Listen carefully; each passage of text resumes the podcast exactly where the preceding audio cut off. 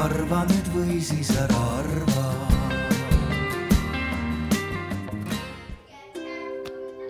Eestis ootab hooldusperet kaheksasada last. Ehk saad just sina pakkuda pereootel lapsele hoolt ja armastust. laps on pereootel, paku armastust lapsele, kes ei saa kasvada sünniperes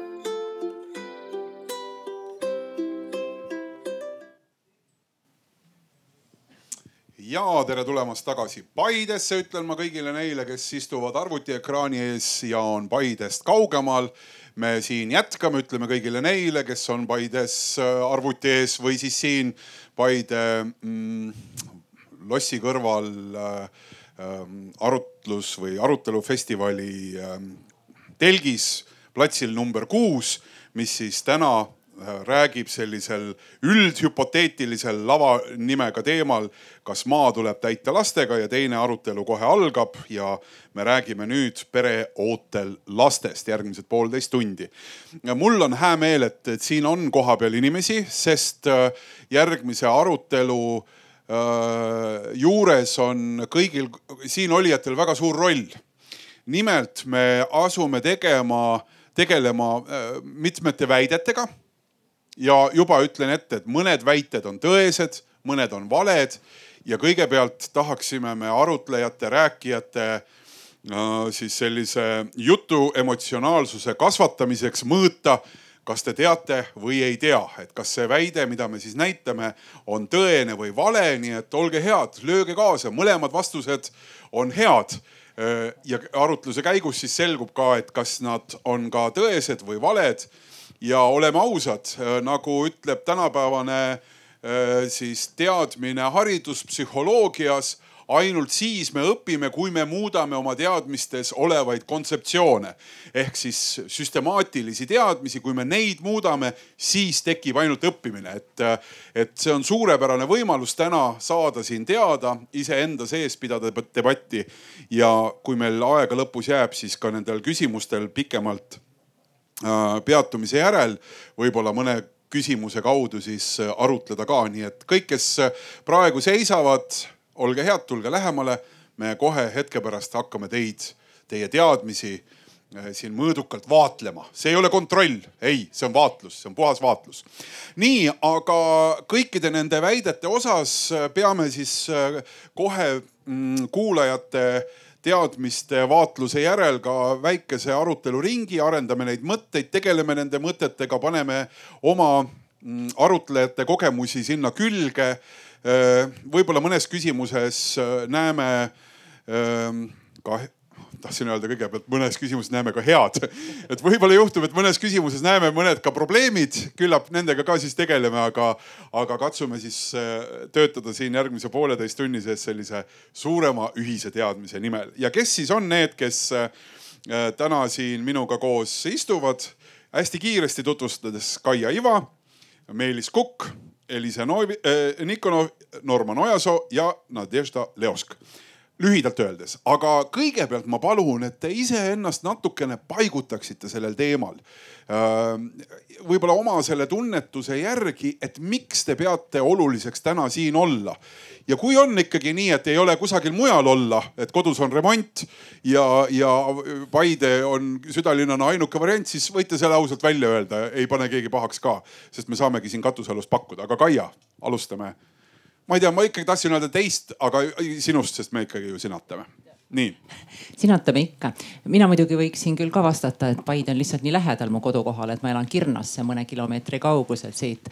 aga sattusin siia Nadežda kutsel ja ma usun, ma arvan, miks ta mind kutsus, on see, et meie peres kümme aastat kasvab äh, väike Preili kes on oma suurtele vendadele väike õde ja, ja leidsime tema ühest asenduskodust, kus ta oli aasta aega elanud, nii et meil on kümme aastat ühiseid rõõme, vahest pisikesed mured ka ja, ja lisaks sellele on mul olnud elu jooksul siis erinevaid rolle, et mingil hetkel Riigikogus olles tegime me ka asendushoolduse rohelist raamatut. mingil hetkel ministrina tegime uusi samme asendushoolduses ja ka praegu oma koduvallas töötan ikkagi ka laste ja sotsiaalvaldkonnaga, nii et ma usun, et see kombinatsioon vist on see, miks Nadesta mind siia kutsus ja ma rõõmuga tulin. Mm, Kaia, kui inimesed leiavad midagi, siis on tõenäoliselt kaks eellugu. Nad kas otsivad või midagi juhtub ja, ja siis selle juhtumise tulemus on millegi avastamine, tähelepanemine, leidmine. kuidas äh, sinu peres oli? meie otsisime, sest äh, me olime valmis, et meie peres võiks olla rohkem lapsi kui kaks, meil on kaks nüüd juba siis suurt poega.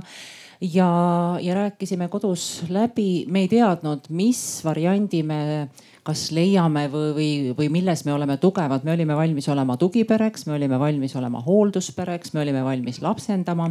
ja me alustasime tegelikult siis jah sellest, et alguses meist saigi tugipere, siis hoolduspere ja, ja lõpuks mitte küll väga pika aja pärast, aga üsna pea siis jõudsime lapsendamiseni, et meie, meie otsisime last.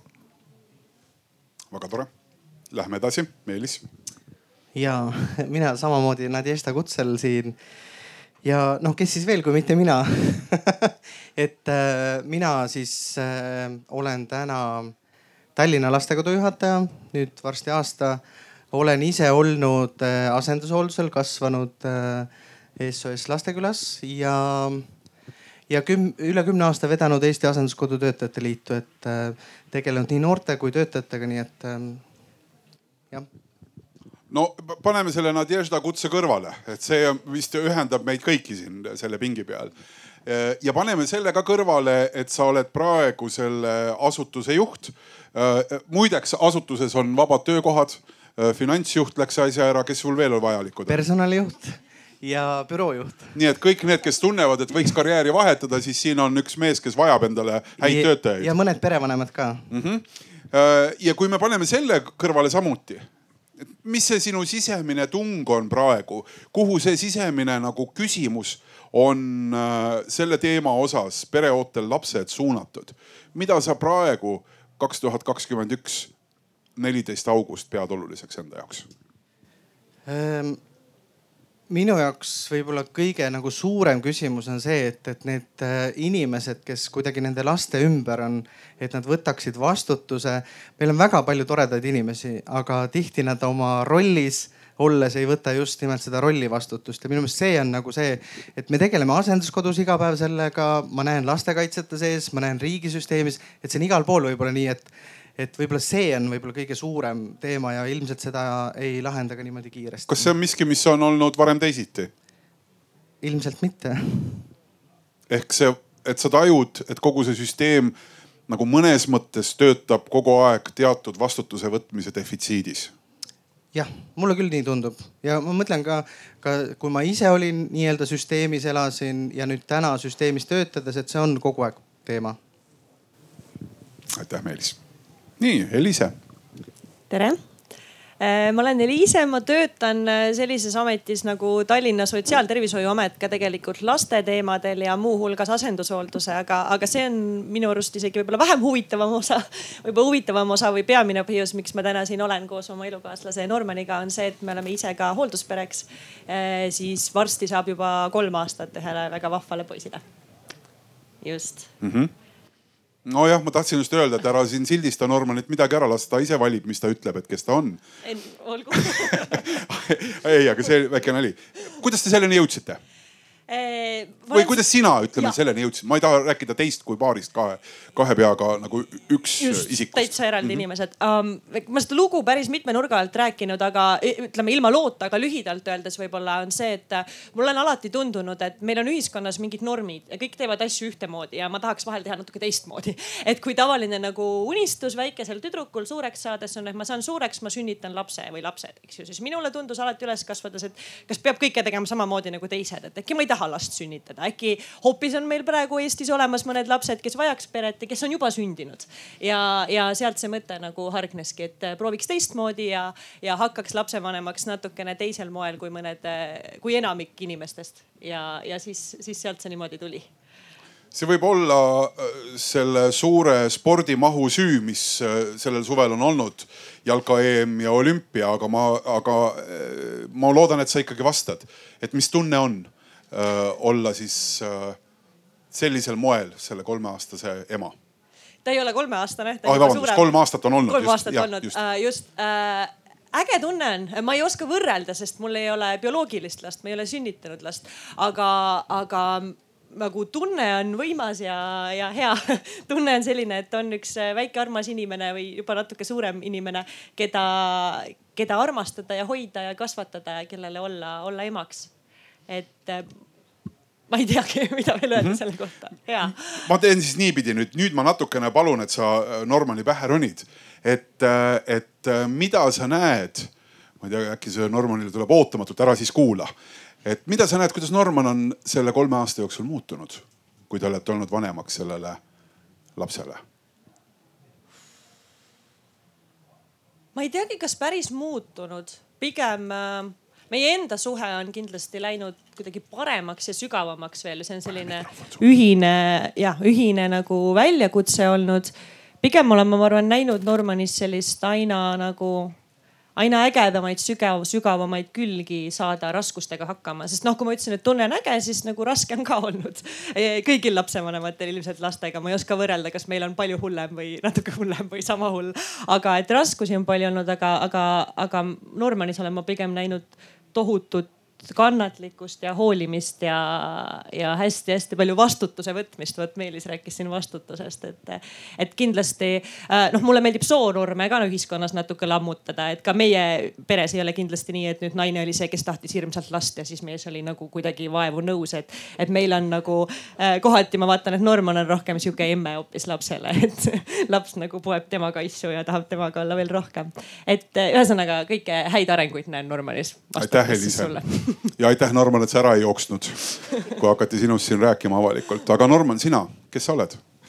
tere, äh, ma olen Norman, täiesti erinev inimene. Äh, kolmandat aastat äh, isa väikesele inimesele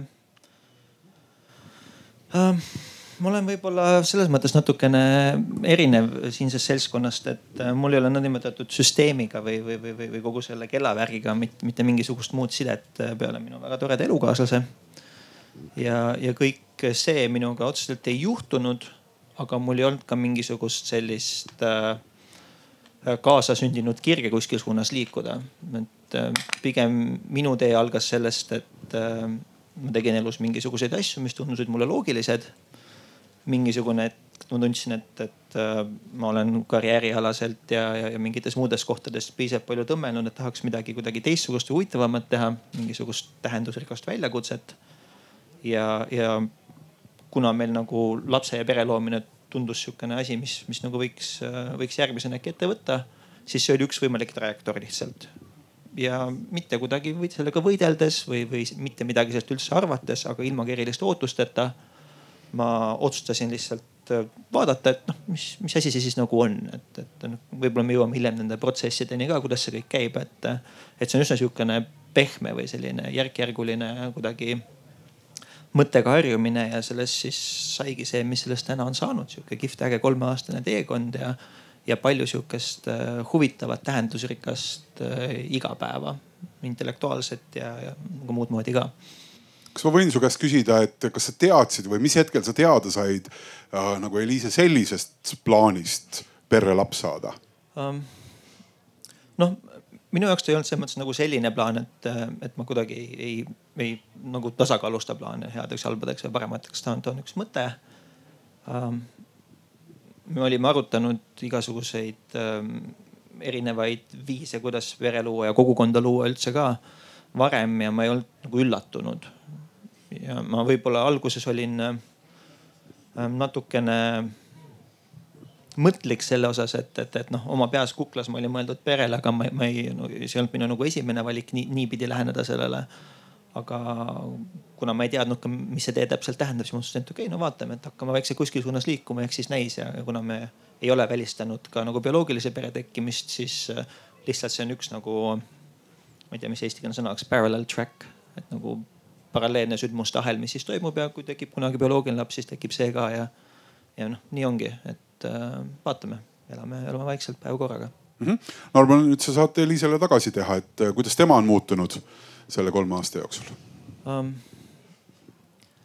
võib-olla, võib-olla kõige sihukesem ähm, huvitavam ja sihukesem üllatuslikum pool, mis Liises on avaldunud äh, on tema võime teha tööd ja sihuke kannatlikkus, et äh, meie lapse eripära oli see, et, äh, et tema minevikust tulenevalt on ta natuke rohkem isa poole kaldus nii-öelda. ja, ja ma arvan, et, et kui me nagu oma perre selle toreda inimese võtsime, siis äh, meie endi nagu ootus oli, oli seda asja nagu noh, me kujutasime seda täpselt ideaalselt nagu võrdse rollina ette. aga lapsel on ka mingid mõtted ja mingi minevik, on ju ja see kohanemine selle ümber on olnud äh, hästi sihuke huvitav ja ma arvan Eliisele kindlasti psühholoogiliselt palju-palju raskem, äh, kui see mulle oli. noh, mulle oli see ootamatu, temale, temale ka kindlasti.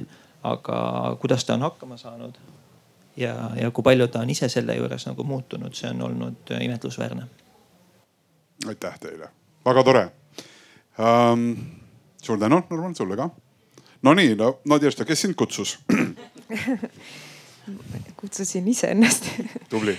Ja minu armastus võib-olla selle valdkonna mm, vastu on sündinud sellest hetkest, kui ma kahekümne ühe aastasena äkki kolmanda kursuse tudengina sattusin tööle ühte väiksesse lastekodusse ja siis loomulikult oli selline tunne, et ma lapsendaks kõik need lapsed ära ja kuidas siis nii ja see oli minu sihukese kasv, võib-olla kasvamise protsess, aga, aga see armastus äh, iga aastaga kuidagi kasvab ja kasvab ja see kuidagi, see soov midagi muuta äh, koos äh, nende teiste toredate inimestega. ja täna ma vean Sotsiaalkindlustusametis teavitust asendushoolduse teemadel, mille eesmärk ongi kuidagi äh, rohkem normaliseerida seda teemat, seda kasuvanemlust ja, ja rohkem teadlikkust tõsta ja loomulikult ka leida rohkem peresid.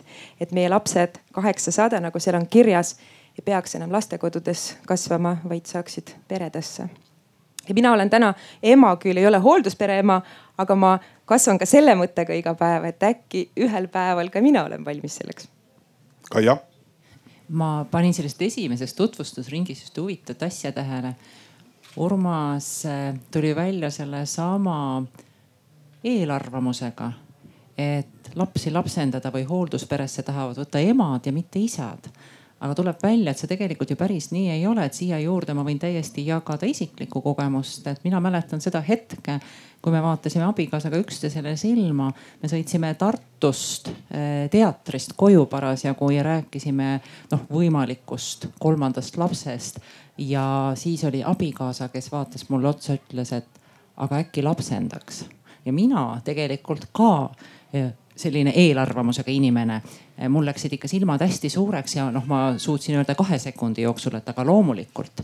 aga see, et abikaasa selle kõigepealt välja pakkus, see oli ka mulle üllatus. nii et tegelikult me alahindame oma abikaasasid ja ilmselt isasid ma siin tahan küsida, et mis etendus see oli, et võib-olla seda peaks. peaks näitama igal pool jah ja viima ma, inimesed sedasama teed mööda pärast siis. ma suudan selle tuvastada, ma mingil hetkel täiesti mäletasin, kus me käisime vaatamas ja mis see oli äh,. nii et see on täiesti tuvastatav, kuigi me käime väga palju teatris, aga, aga ma tean, kus see oli ja mis see oli. no Ježda jääb seda nüüd küsima. aga selle, selle, selle info ma võin täiesti anda, nii et see mõjub väga hästi igal juhul, see koosolemise aeg ilmselt. ja pereootel lapsed, ma lihtsalt näen, et siia on publikut lisandunud, me räägime siis lastest, pereootel lastest kes täna elavad asenduskodudes ja, ja seal, nagu me tahvlilt näeme, on kaheksasada last ja meetod on väga lihtne.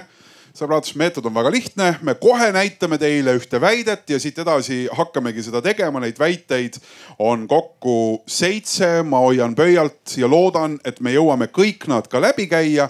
Ja kui väide on, Nadežda näitab seda ilusasti, me ei ole päriselt harjutanud, vot aga nii saab see olemagi just vaadake seda väidet ja, ja väide siis kõlab, ma loen selle ette ka. ma ei ole paari suhtes, aga ikkagi võin lapsendada või saada hoolduspereks. ehk siis äh, kui sa oled praegu suhtes kas, äh, kas vabavormilises või riigi ees ametlikult, kehasta ennast hetkeks üksikuks, väga lühikeseks hetkeks ja, ja, ja mõtle selle inimese saabastes, et kas äh, temast võiks saada siis äh, keegi, kes lapsendab või saab hoolduspereks. nüüd ma palun tõsta käed kõigil neil, kes arvab, et see on õige, et jah, lapsendada saavad ka üksikud. aitäh. nüüd ma palun tõsta käed kõigil neil, kes arvavad, et ei, olles üksinda, sa lapsendada ja pere sellele lapsele pakkuda ei saa ei, ei arvanud mitte keegi, järelikult räägime sellest nüüd pikalt, sest see vastus oli kõigil õige miks see siis tegelikult nii on, et, äh, et ma võib-olla Nadjašta ikkagi küsiksin, et kui palju te üldse seda, mis hetkel nii-öelda see vaatlus tuleb siis, et kas see inimene, et, et kas ta on üksinda või kahekesi, kas seal on, kas see on pere, kas seda üldse mingil hetkel äh, taotluse juures vaadatakse? taotleb ju ikkagi enamasti üks inimene, eks ju ei, ei Või ikka koos, ikka koos mm. -hmm. aga see on üks oluline aspekt, et äh, tegelikult ka minule isiklikult helistatakse päris palju ja küsitakse, et, et noh, mul ei ole partnerit, et kas ma saan, et see küsimus on päris levinud. aga me küsime, loomulikult me tegelikult küsime päris palju asju ja me tahame, et inimesed oleksid meiega ausad. et, et olenemata sellest, mis suhtes sa oled või sa ei ole suhtes, kõik on võimalik võib-olla lisaks ka äh, selle, et äh, hästi palju me nagu paneme rõhku sellele, et kes on sinu ümber, kes need lähedased inimesed tegelikult on, et, et äh, kas sul on seda tuge, kui sa seda vajad. et, et see võib-olla on oluline aspekt, et kui sa päris üksi oled siin elus, et äh, siis tasub mõelda, et äh, kas ma suudan, kas ma saan, et need on need teemad, millele palume mõelda. Jaak Aia ja see just see turvavõrgastik, mida Nadežda nimetas, see ilmselt on siin veel, veel see kõige tähtsam asi, kui meie ka läbisime Pride koolitust, siis üks osa seal ongi see, mida tulevaste või, või ka juba siis olemasolevate kasuvanemate puhul ju vaadatakse ja küsitakse, et kellele veel on toetuda kui on keeruline, kuidas on vanavanematega, kuidas on võib-olla lähedaste tuttavatega. nii et see, et küla kasvatab last, kehtib iga lapse puhul, aga tegelikult võib-olla veel eriti sellise lapse puhul, kes ei ole oma sünniperes, ei kasva, et seal see ümbruse ja turvavõrgustiku ja kogukonna tähtsus tegelikult kasvab võib-olla veelgi, nii et see on tõesti hästi oluline mm. -hmm. Elisa Norman, kui palju äh, nüüd ühe või teise käest, eks ju, et äh, et kui palju siis äh, teie sõbrad-tuttavad, naabrid, kursakaaslased, kunagised, kui palju nemad uurivad selle kohta, et kas minust võiks saada ja mis need kriteeriumid on, kui sageli nagu mõeldakse üksik paarisuhe nagu selles kontekstis selle juures? No sõbrad-tuttavad tihtipeale ikkagi nagu uurivad, meie nagu näitest inspireeruvad, aga tihti tuntakse ikkagi, et ma pean enne selle suhte kuidagi saama ja siis ma, siis ma võin mõelda lapsele. Et, et inimesed kipuvad niimoodi mõtlema, noh, mõnes mõttes on arusaadav ka, sest kahekesi on nagu lihtsam kui üksinda, on ju, aga, aga see noh, see ei peaks takistuseks olema, et kui keegi, keegi vähegi nagu, kui on endal jaksu ja, ja lähedasi, kes toetavad ka, siis, siis, siis saaks kindlasti üksinda ka minu sõprusringkonnas olen äh, kuidagi mina olnud see inimene, kes äh, natukene on kuidagi normaliseerinud seda aukartust selle nagu ettevõtmise ees, et äh, ma olin hästi üllatunud, et kui meie pere laps tuli, noh, ma ei, ma ei käinud suure plakatiga ringi ja ma ei, ei, ei pannud sotsiaalmeediasse üles, et nüüd on niimoodi, onju. aga, aga need, kes teada said, tihtipeale tulid, patsutasid õlale ja surusid kätt ja ütlesid, et tead, et jõle rasket asja teed. ja siis ma ise ütlesin, et noh, ma ei tea, et ei tee, et nagu toredate asjade äge on, et noh, ei ole nagu elu nagu ikka onju, et et, et ja paljud nagu küsisid ja uurisid, et kuidas siis on ja kas on raske ja, ja kui palju sa ikka kannatad ja mis kõik muutub ja aga, aga, aga seda sihukest kuidagi normaalsust ja sihukest äh, mitte nagu selle äh, ülesande või väljakutse ülepaisutamist oma peas oleme üritanud kuidagi kultiveerida ja see on kuidagi, kuidagi toredasti välja kukkunud ja mm. -hmm ma ütleks korragi hoopis natuke teise nurga alt mõtte, et kui siin oligi jutuks, et nagu tugivõrgustik äh, võiks olla selle pere ümber ja nii edasi, siis äh, võib-olla laiema mõttena ka kõik, kes täna siin kuulavad või teie sõbrad-tuttavad, et mulle tundub, et noh, üks vastutus, mis saab keegi võtta, on see, et hakata, eks ju, ise päris hoolduspereks, nagu oleme ka meie hakanud.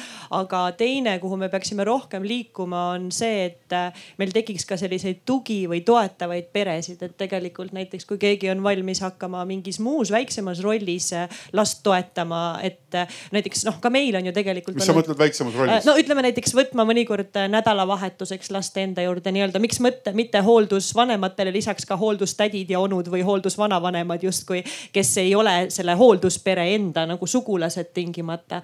et kuidagi nagu natuke võib-olla lahtisemalt seda mõelda ka, et, et kui täna ongi mõni inimene näiteks väga üksi, kes hoolduspereks on valmis hakkama, tal oma tugivõrgustikku pole, et ta ikkagi saaks hoolduspereks hakata, et siis me võib-olla peaksime rohkem looma sinna kõrvale selliseid eh, hooldustugivõrgustikku. Meelis noogutab, tahad lisada midagi selle kohta? ja ma ütlen, et, et siis ongi Tallinna lastekodu.ee ja sealt on kohe võimalik kas hakata vabatahtlikuks või siis äh, tõesti tugipereks, et, et igal juhul, et, et loomulikult vahel on see, et, et ma tõesti, kui küsimus oli see, et, et kas üksikvanem võib hakata hooldus, hoolduspereks mul on hästi, see on kuidagi nagu noh, ongi ilmselt mingist vanast ajast, et mul on ka, kui ma seltskondades suhtlen, siis mingi, üks on see, mis Norman teeb veel, oh sa teed nii rasket tööd, see on nii oluline.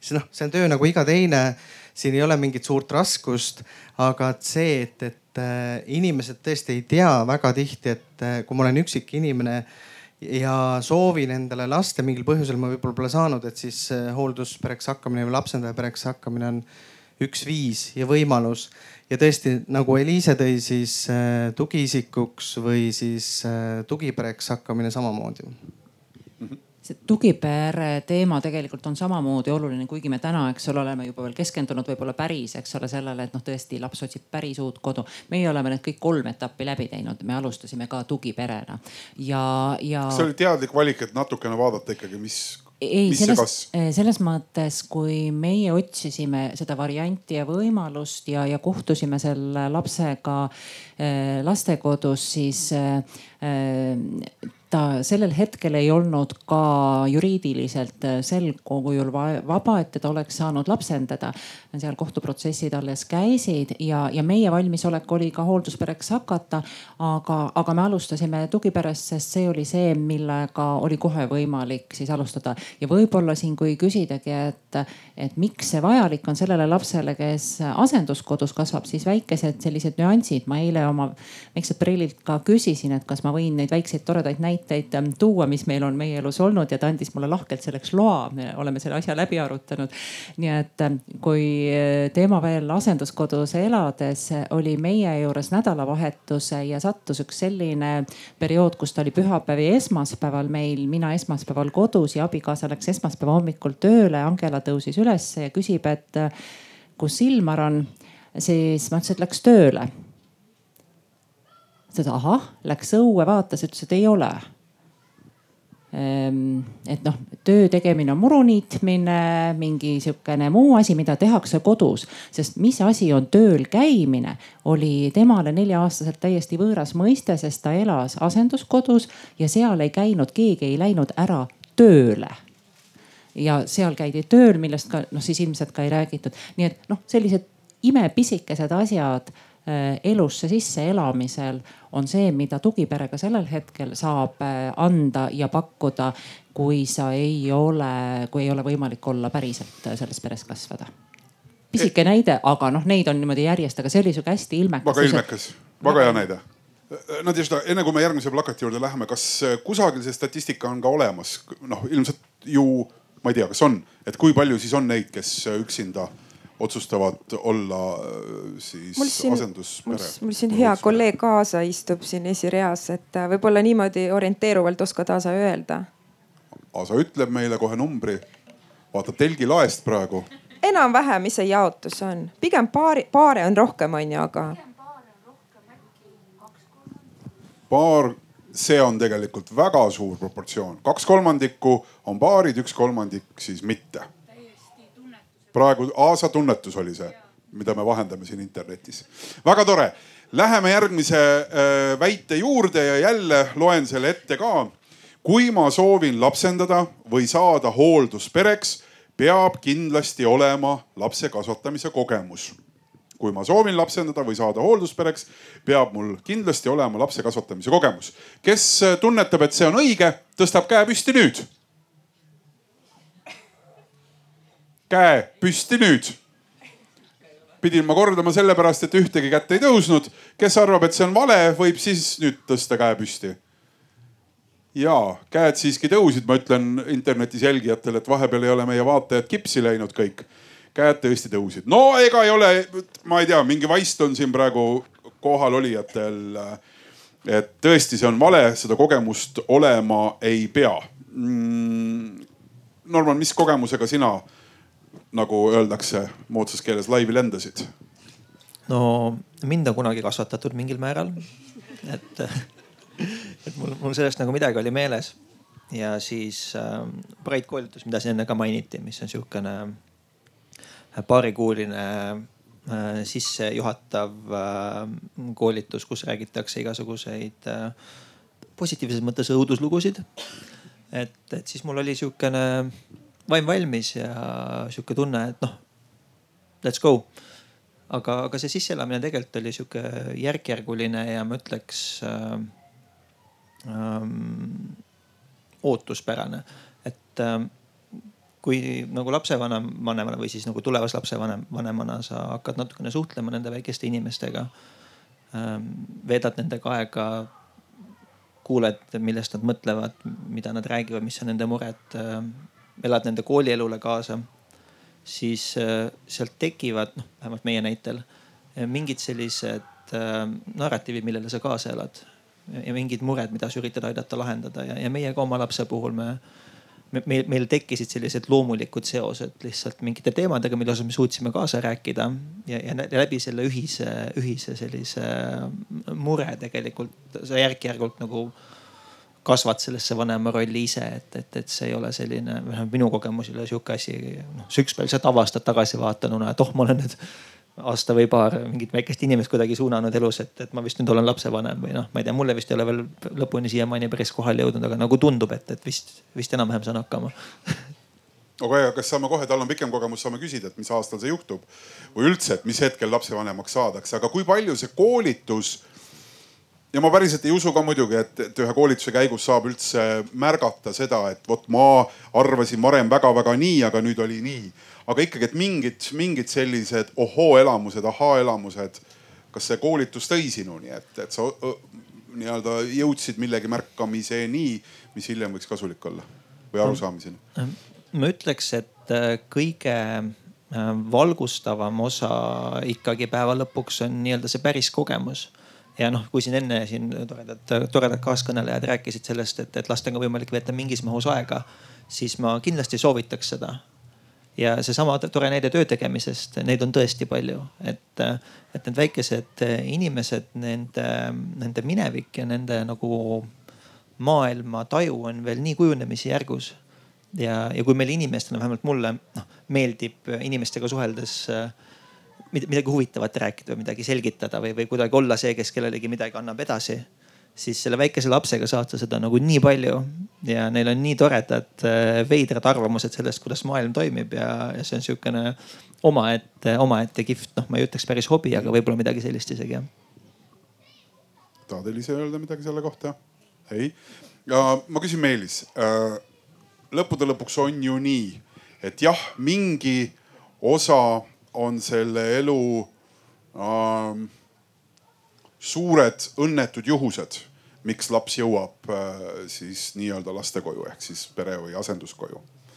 aga sageli selle kõrval on ikkagi põhjuseks ju ka see, et lapsevanem ei olegi saanud oma lapsega ju hakkama.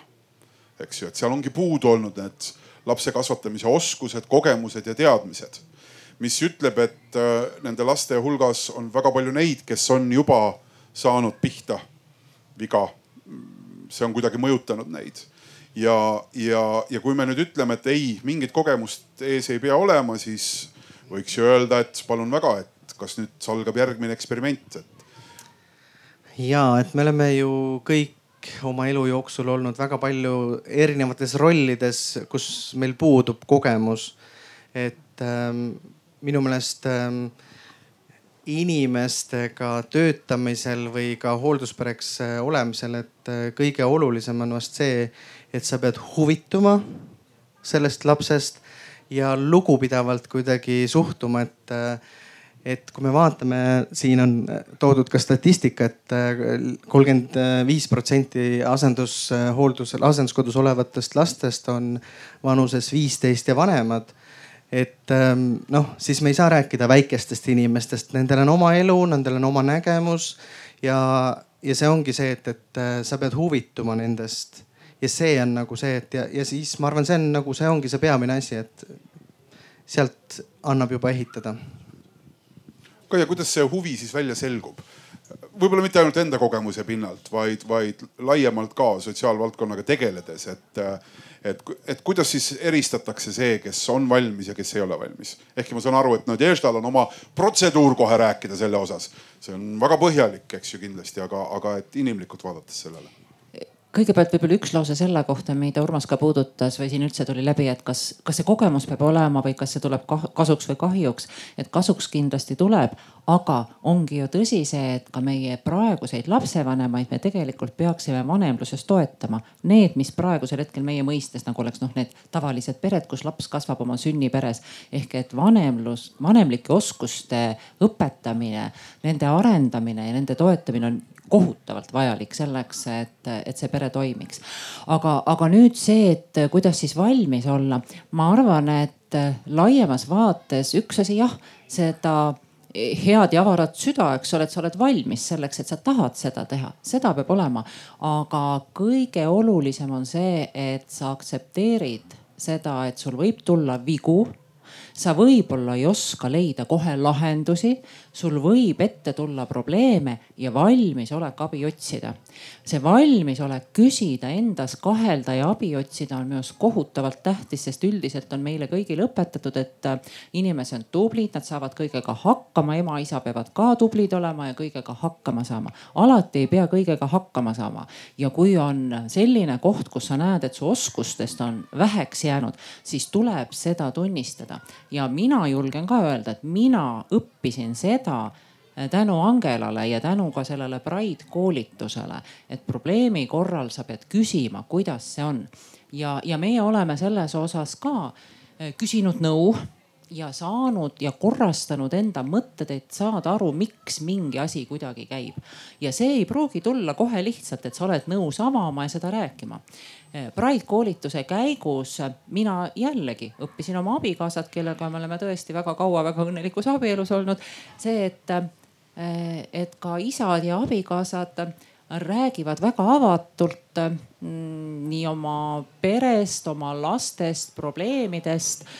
me vist ei olnudki nii paljusid asju nii palju, nii avatult rääkinud kui sellel koolitusel. ehk et me õppisime ka üksteist sellega tundma ja, ja olime valmis lapse nimel palju rohkem ennast avama, kui me olime tegelikult tavapäraselt teinud mm. -hmm. Elisa võib-olla lisaks siia juurde veel ühe aspekti, et, et kui ongi jutuks, et kas peaks olema enne lapsi kasvatanud, kui hakkad hoolduspereks või mitte, siis võib-olla see ei ole nagu nii tähtis, aga mis kõige olulisem on, et või kui ma mõtlen, kes sobiks kõige paremini hoolduspereks ja just keerulistele lastele, siis ma tahaks kuidagi rõhutada sellist võib-olla suhtlusoskusi või see on üldse nagu laiem teema meie ühiskonnas, et kui meil on koolis on ju matemaatikas on riigieksam, suhtlusoskustes ei ole riigieksamit, et võib-olla võiks olla. et, et kui me üldse või me mõtleme vahele, et suhtlemisoskused on kuidagi pehmed oskused, siis me tahab alati nii närvi, kui keegi seda ütleb. ei ole mitte midagi pehme, need on väga-väga rasked ja väga olulised oskused. et selline, kui ma mõt, ütlen suhtlusoskus, ma mõtlengi selline ka võime ennast emotsionaalselt reguleerida, rahulikuks jääda, teist päriselt kuulata, oma sõnumit selgelt nagu edasi öelda, mitte ridade vahel rääkida niimoodi vihjates. et kui ma mõtlen ka näiteks, et äh, kui me Normaniga tuttavaks saime, me olime olnud kaks aastat koos, enne kui laps meie perre tuli ja, ja meie suhte alguses näiteks olid meil kohati viie tunni pikkused nagu nagu vestlused, kus me lahendasime konflikte ja pärast olime väsinud, aga õnnelikud, aga me nautisime seda.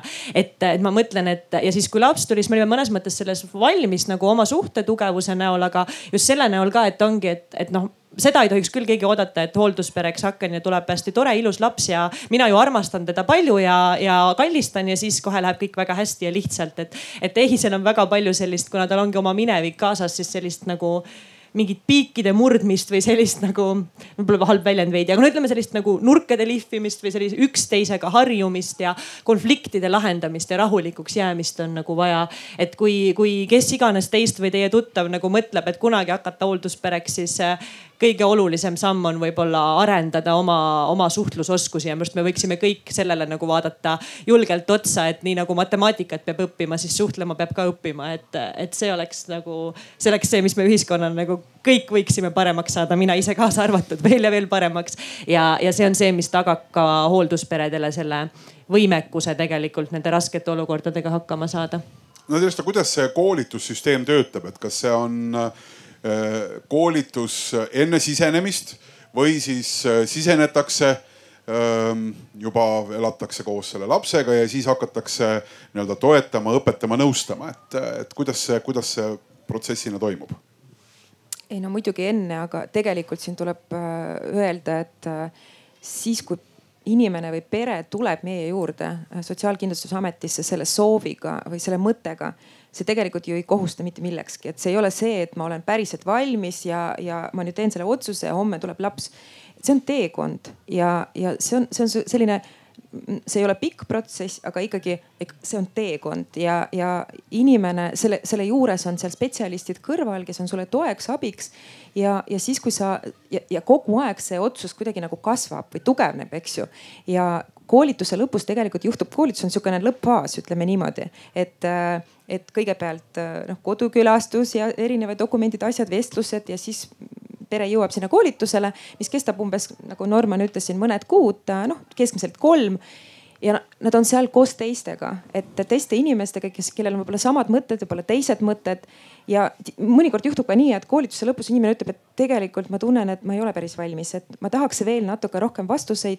et enamik ikkagi tulevad jah, et nüüd me oleme valmis, aga, aga see, kas see on normaalne, kui me arvame, et me ei ole veel valmis, me vajame veel natuke aega, sest tegelikult kõige tähtsam siin hindamise ettevalmistuse teekonnal see, et inimene ise hindab enda tugevusi, enda ressursse ja, ja, ja sellel on siis, äh, selle juures on spetsialistid lihtsalt toeks sulle. et see ei ole see, et ma tulen ja hindan ja panen linnukesed, eks ju, vaid ma ise sisimas hindan, kas ma olen valmis või mitte, kas mul on see tugivõrgustik või mitte mm. -hmm. väga tore. Läheme kolmanda siis väite juurde siiamaani on läinud, ma ei teagi, kas hästi või halvasti, üldiselt, üldiselt on läinud ühte väravasse, ütleme siis nii ma olen, no nüüd on natukene selline sisemise dissonantsi küsimus. et korraga ma olen üle viiekümne või alla kolmekümne, aga saan ikkagi lapsendada või saada hoolduspere vanemaks.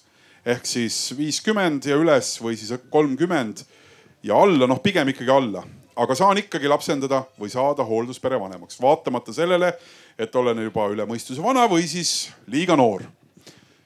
kes arvab, et see on õige, tõstab käe püsti et saan ikkagi teha vaatamata sellele. aitäh. kes arvab, et see on vale, tõstab nüüd, palun tõstke nüüd käsi püsti. kas on üks, ei, see ajas kärbest ära lihtsalt. no jälle nii, no tundub tõesti, et, et kõik on väga teadlikud, no tõesti, see on õige, aga ma kõigepealt siis küsin tehniliselt ära, et kui noor siis võib olla? et, et kaheksateist, gümnaasiumi paberid käes ja olen kohe SKA ukse taga no lapsendamisest rääkides, siin on tegelikult seaduses ka see vanus välja toodud kakskümmend viis, hoolduspere puhul ei ole. nii et äh, siin noh, võib öelda jah, et kaheksateist saab, aga siin on tegelikult äh, noh, hästi oluline noh vaadata nagu koosluses erinevaid aspekte, et äh, ei ole ainult see, et mis vanuses ma olen vaid mis kogemused ja mis vajadused ja, ja nii edasi, et äh, siin ma arvan äh, pere saab, vanemad saavad äh, kindlasti rohkem lisada, et vaata, kui noh, mina olin kaheksateist, siis ma kindlasti ei olnud valmis, aga mõni võib-olla on, eks mm. -hmm. Mm. Kaia, see on nagu selles mõttes nagu ebamugav nagu olukord, aga kas, no rääkida vanusest nüüd siin pikalt ajalt hakata arutama. aga ikkagi, et kas, kas see tuli öö, äh, otsus öö, äh, kolmas laps perre öö, leida sellisel kombel, et kui palju seal öö, oli seda arusaamist, et me oleme selleks nagu valmis või küpsed või kuidagi vanusega seoses, et, et nüüd jah, võiks nii teha? no ilmselt selles mõttes küll vanusega, et ega seda ei ole kusagile nagu mõtet lükata edasi, et selles mõttes nagu küpsed, aga, aga me oleme sedasi väga lapse lapsi kasvatada tahtvad vanemad või selles mõttes, et me oleme ka, ka oma vanemad lapsed saanud suurest lapse ootusest ja, ja sellest, et me oleme neid väga tahtnud saada. ja, ja selles mõttes vaim oli küps igati. küll ilmselt siis seesama, et ega väga kaugele seda poleks olnud ju mõtet lükata. Mina vanust üldse ei häbene, sellel hetkel olin mina nelikümmend seitse ja abikaasa kaks aastat vanem. Ja, ja praegu muidugi küll on ka Angela öelnud, et koolis neil on tulnud aruteluks, et et tema jaoks oli üllatus, et me oleme klassis ühed ikkagi vanimad lapsevanemad ju. Eh, sest tema oli siiski sel ajal ju ka ainult nelja-aastane, mitte küll noh erandlik vanus vast, aga, aga siiski. aga see oli nii tore, kuidas ta ütles, et noh, ma ei tea, kas nende klassi poisid on nii hästi kasvatatud ja sellised džentelmenid või nemad olid kohe öelnud, et oi, me selle peale poleks küll tulnud, et su ema näeb nii noor välja nagu oleks kolmkümmend viis. nii et äh, meil oli see asi kuidagi kohe hästi sujuvalt ja hästi lahendatud sellel hetkel, nii et meil ei ole ka sellest probleemi olnud. no jah, Nadežda ma tahtsin lisada lihtsalt, et tihtipeale äh, tuleb küsimus inimestelt, et, et mis on see ülemine vanusepiir, et mina tegelikult seda kuulen palju rohkem kui seda alumist piiri.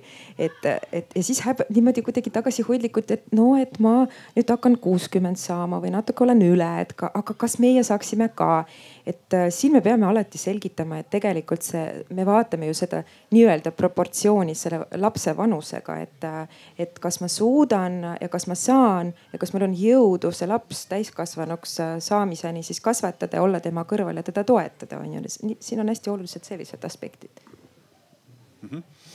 kas teie jaoks kuidagi oli ka mingi vanuse teema üldse nagu mängus või? vist mitte, Norman, Eliise? no mina olin kakskümmend kaheksa, siis nii et alla kolmekümne müüt on, müüt on purustatud äh,. kuidagi ei olnud, aga oleneb hästi inimestest ka, et ma arvan, et me ka olime mõlemad tolleks ajaks päris palju nagu elukogemust kuidagi kogunud või oma elu üle mõelnud, et võib-olla mõni on vähem, mõni rohkem, et ma ei teagi, kas ma oleks nooremana valmis olnud selleks, võib-olla isegi oleks. et ma arvan, et hästi oleneb inimesest, et Meelis, kui sina oma kogemuse pinnalt tood, et mis selle vanuse väärtus on selles äh, uues tekkivas suhtes, kui sa mõtled kõikide nende ilmselt ju sadade lugude peale, mida sa oled äh, selles süsteemis pikalt töötades näinud, et, et kas sellel vanusel just vastupidi võiks olla mingi hea väärtus, et kui see ongi viiskümmend ja, ja, ja, ja, ja kõrgem? no kõik viiskümmend pluss äh, inimesed, et siis kirjutage mulle, kes tahavad Tallinna lastekodusse tööle tulla. et, äh, et üldiselt on ju, me ju teame, et äh, nad on hästi stabiilsed, suhteliselt stabiilsed inimesed, et nad ei vaheta töökohti ja, ja nad ähm, on kuidagi see elukogemus, mis tõesti Eliise tõi välja, et, et see on väga erinev, sest ma mäletan, et ähm, mina sattusin asenduskodusse, kui ma olin kolmteist ja ma olin veendunud, et ma saan ka iseseisvalt hakkama siis, et, et selles mõttes. ja, ja samas on see selle vanusega ju nii, et noh, ma arvan, inimesed, kes on võib-olla passis, on vanus viiskümmend või kuuskümmend, et siis noh, ei saa aru, kuhu, kuidas see sinna tuli, sest et ma ei tunne, et ma oleks nii vana ja ega ma ka ei saa aru, et, et ma olen, ma olen küll nelikümmend kohe, aga noh, tunnen ikka nagu vahel oleks kakskümmend, et noh. et ma arvan, see vanus on selline nagu üks on see passis number, teine on just see, millest ka Nadežda rääkis, et see, et milline on minu sotsiaalsed oskused ja minu võimekus iseendaga toime tulla ja, ja, ja kas ja see, et, et olla siis partneriks ja toetavaks isikuks äh, sellele lapsele, et aga ilmselt need eluaastad, nad igaühe puhul võib-olla ei pruugi nii toimida, aga nad annavad võimaluse, et inimene on selle aja jooksul kogemusi omandanud, elukogemust, tarkust, suhtlemistarkust. see võimalus on alati üsna suur just see omandamise pool, sest et elus ikkagi juhtub, eks ju, aga kas omandab või mitte. kas me vaatame jälle Aasa poole, kui me tahame teada, mis see keskmine vanus siis Eesti äh, lapsendajal või, või peretoetajal on? vaatame jälle Aasa poole, väga hea. järjekordne Aasa poole vaatamise paus. nii Aasa, mis see umbes siis võiks olla? Aasa teeb sellesama liigutuse, laiutab käsi, vaatab lae poole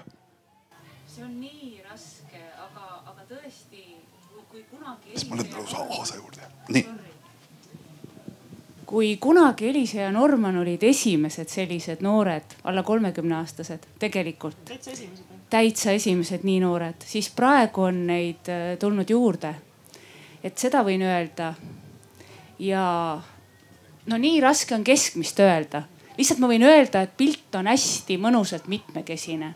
noh, mis aga, annab, ma ütlen, et nelikümmend noh, ma ei tea. kolmkümmend viis kuni võib-olla viiskümmend või nelikümmend viis umbes, selline keskmine. No, enamasti on see ikkagi niimoodi, et äh, ühel hetkel äh, pere saab aru, et äh, on soov kas siis enda lastele lisaks või, või tänapäeval ka esimese lapse peale mõelda juba neljakümne ligi.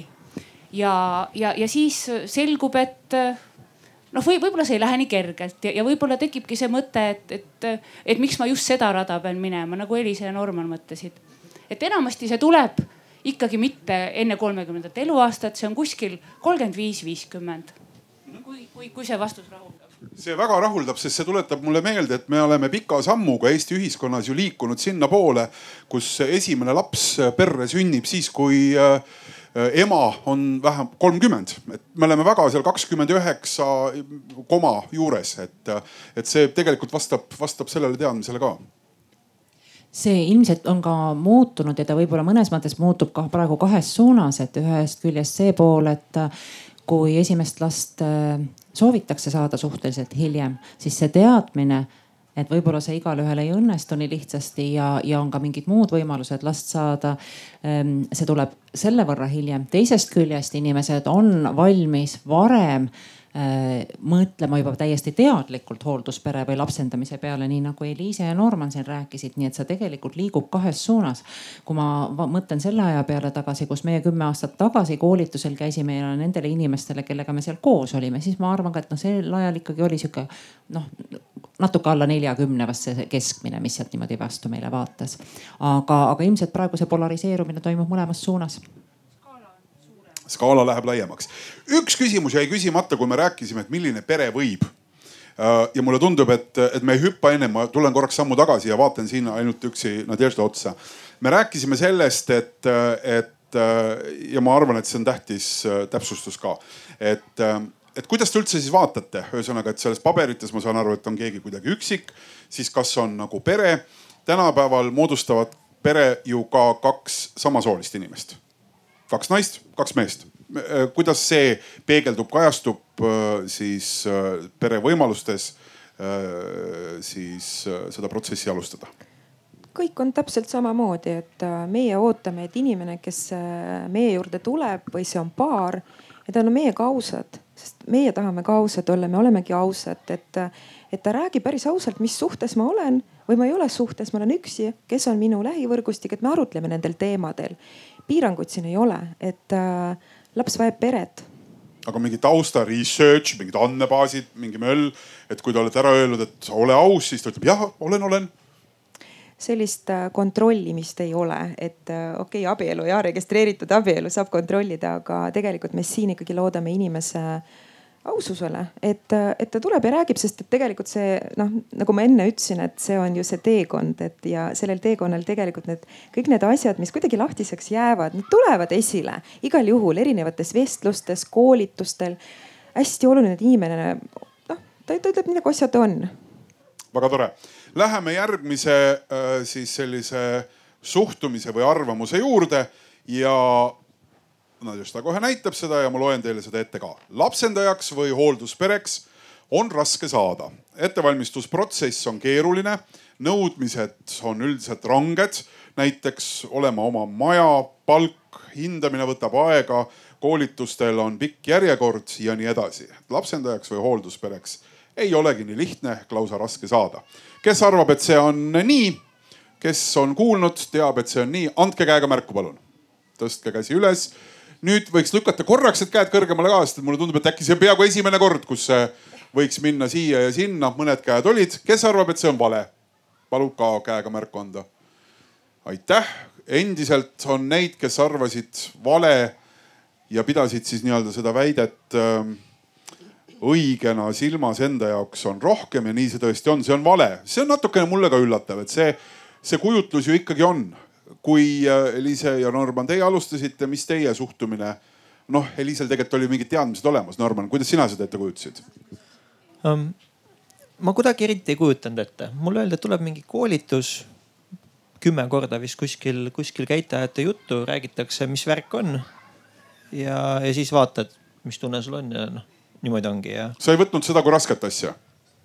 Tead, ma ei teadnud ja, ja kui ma ei tea, siis ma üritan mitte arvata, nii on lihtsam, et eks ma siis saan teada, kui asi käes on, onju.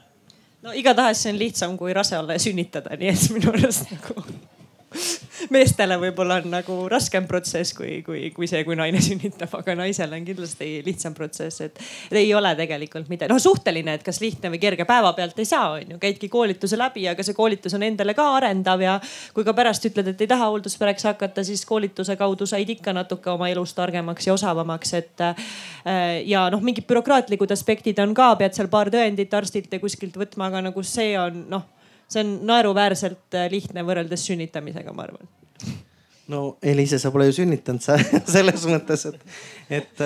äkki on väga lihtne. jah, äkki on lihtne. vähemalt see auhind, mida sa pärast saad, on uhke. aga, aga ma arvan, et see on, et inimesed võib-olla vahel arvavad, et see on keerukas seetõttu, et meil on ju ka küllalt palju neid hooldusperesid vanadest aegadest, kes on järjekorras, kelle, kellele laps, last ei anta mingil põhjusel.